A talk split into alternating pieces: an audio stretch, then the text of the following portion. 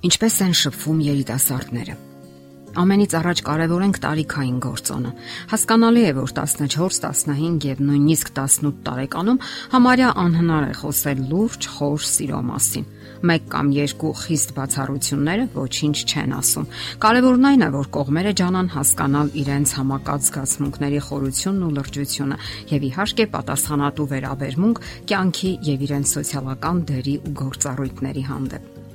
Իսկ ինչպես հասնել այդ ամենին։ Մինչ ամուսնական հարաբերությունները կարելի է անվանել բարեկամության կամ ընկերության շրջան։ Այդ ընթացքում երիտասարդները շփվում են ընկերական մակարդակում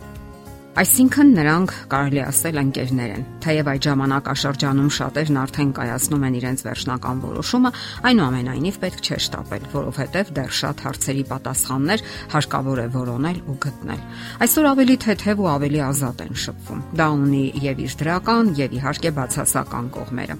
նախապես միմյանց բնավորությանը ծանոթանալը խիստ կարևոր է նաև անհրաժեշտ։ Ընդհանրապես ծանոթության առաջին շրջանում զույգը համատեղ տպավորությունների եւ ապրումների փուլն է ապրում։ Նրանք նոր միայն ճանաչում են միմյանց, ճանաչում են դիմացինի բնավորությունը։ Հուզական այդ ներուժը պետք է հենարան ծառայի հետագայի համար, որpիսի նրանք կարողանան դիմանալ սպասվող դժվարություններին։ Շատ կլինեն համատեղ տպավորություններն ու ապրումները, որին նրանք դեռ կանդրադառնան, կկիսվեն դրանցով, եւ որքան հարուստ լինեն այդ տպավորությունները, այնքան նրանք ամուր կլինեն միմյանց հետ իսկ սոսկ փաղաքշանքների, քնքշանքների մակարդակում մնացած զույգը, եթե նույնիսկ միավորվի էլ եւ ամուսնանա, ապա հուզական հոգեբանական ոչ մի հիմք չի ունենա։ Իսկ նման միությունները սովորաբար արագ էլ քայքայվում են, կամ էլ երիտասարդները պետք է իրենք իրենց խոստովանեն, որ հանդիպում են ընդհանրապես դրա համար եւ դա երբեք լավ բանի չի հանգեցնելու։ Երիտասարդական հարաբերությունների ժամանակ հարկավոր է հաշվի առնել մի կարևոր գործոն եւս չի կարելի փորձել վերադասյարակել դիմացինին։ Շատ դեպքերում կողմերը, հատկապես տղաները, հույս ունեն վերադասյարակելու իրենց կողքինին։ Սա մոլորություն է, որ երկար կյանք չունի։ Ավելի լավ է համատեղ քննարկել միմյանց ուժեղ եւ թույլ կողմերը, փորձել գալ ընդհանուր հայտարարի, հասկանալ, որ քիչ դեպքերում է, երբ բնավորության վատ ու բացասական գծերը անցնում են կյանքի ընթացքում։ Կան իհարկե անհատներ, ովքեր մեծապես գիտակցելով իրենց բնավորության թերությունները, ջանքեր են գործ արտադրում դրանից ազատ ագրվելու համար։ Պետք չէ աչք փակել թերությունների վրա եւ մտածել, որ դրանք իրենք իրենց կանցնեն։ Զույգը շատ արագ է համոզվում, որ դրանք չեն անցնում, կամ այն գործողություններն ավելի մեծ արդյունքներ են տալիս։ Այս դեպքում զույգը հասկանում է, որ իրենց բնավորությունները համապատասխանում են այնքանով, որքանով իրենք պատրաստ են հասկանալու միմյանց եւ ընդունելու դիմացինին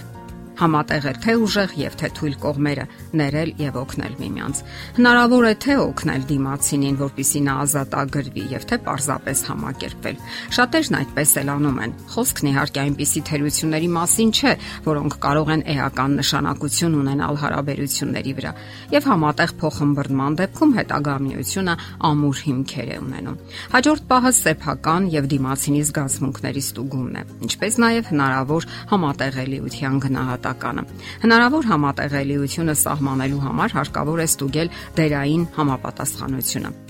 Այսինքն, թե ինչպես եք պատկերացնում ձեր դերը ամուսնական կամ ընտանեկան կյանքում, ինչ հեռանկարներ եւ երազանքներ ունեք։ Ուշադրություն դարձրեք փոխհարաբերությունների եւ շփման հմտությունների վրա, միմյանց հասկանալու մակարդակի վրա, վիճահարույց իրավիճակները հաղթահարելու փոխադարձ ընտունակության վրա ժամանակի հրամայականը։ Ինչ է սա նշանակում։ Այլ կերպ սա անվանում են դիստանցիոն տարածական կամ վիրտուալ շփում, շփում համաշխարհային սարդոստայնի կամ համացանցի միջոցով, սոցիալական ցանցերի միջոցով։ Սա հաճախ քննադատում են սակայն այն ստեղծվել է նաև դրական նպատակներով եւ հերանեկարներով մարդկանց միաբանելու սոցիալական համակեցություն ապահովելու դիտավորությամբ Պարզապես մարդն իր եսասիրության հակվածությամբ այնտեղ է ներդրել նաև բացասականը, սակայն միևնույն ժամանակ այն ունի եւ իր դրական ու գեղեցիկ կողմերը. տեսնել աշխարհն իր ողջ բազմազանությամբ, տեսնել թե լավ, թե վատ կողմերը, նկատել մանրուքները, Համացանցն այսօր հնարավորություն է ընձեռել մարդկանց հասկանալու իրար կես խոսքից սմայլիկների օգնությամբ։ Այս իրականությունը նաև մերձեցնում է մարդկանց, երբ փոխհարաբերվում են սմայլիկների միջոցով եւ դրսևորում իրենց վերաբերմունքը միանգամայն այլ մարդկանց գրառումներին։ Միգուցե հույզերը չեն անցալվում ինչպես պետք է, սակայն նկատվում են տողատակերը, վերջակետներն ու ստորակետերը, բազմազան սմայլիկների միջոցով դրսևորվող նրբերանգները։ Այս ձևով եւս կարելի է հասկանալ միջանկյալ ուղղորդումները։ Երբ նրանք սրտիկ են դնում տողերի մեջ, դա փոխարինում է սիրել բառին։ Բարերն անկասկած ունեն իրենց նրբերանգները, սակայն կյանքն ամեն պահի իր նորություններն է առաջադրում, որի դիրքերում էլ կանգնած է երիտասարդությունը։ Դա ինչ, կարևոր է երիտասարդական շփումները եւ այն ծառայեցրեք տեղին ու նպատակին։ Եթերում է ճանապարհ երկուսով հաղորդաշարը։ Ձեզ հետ է Գեղեցիկ Մարտիրոսյանը։ Հարցերի եւ առաջարկությունների համար զանգահարել 033 87 87 87 հեռախոսահամարով։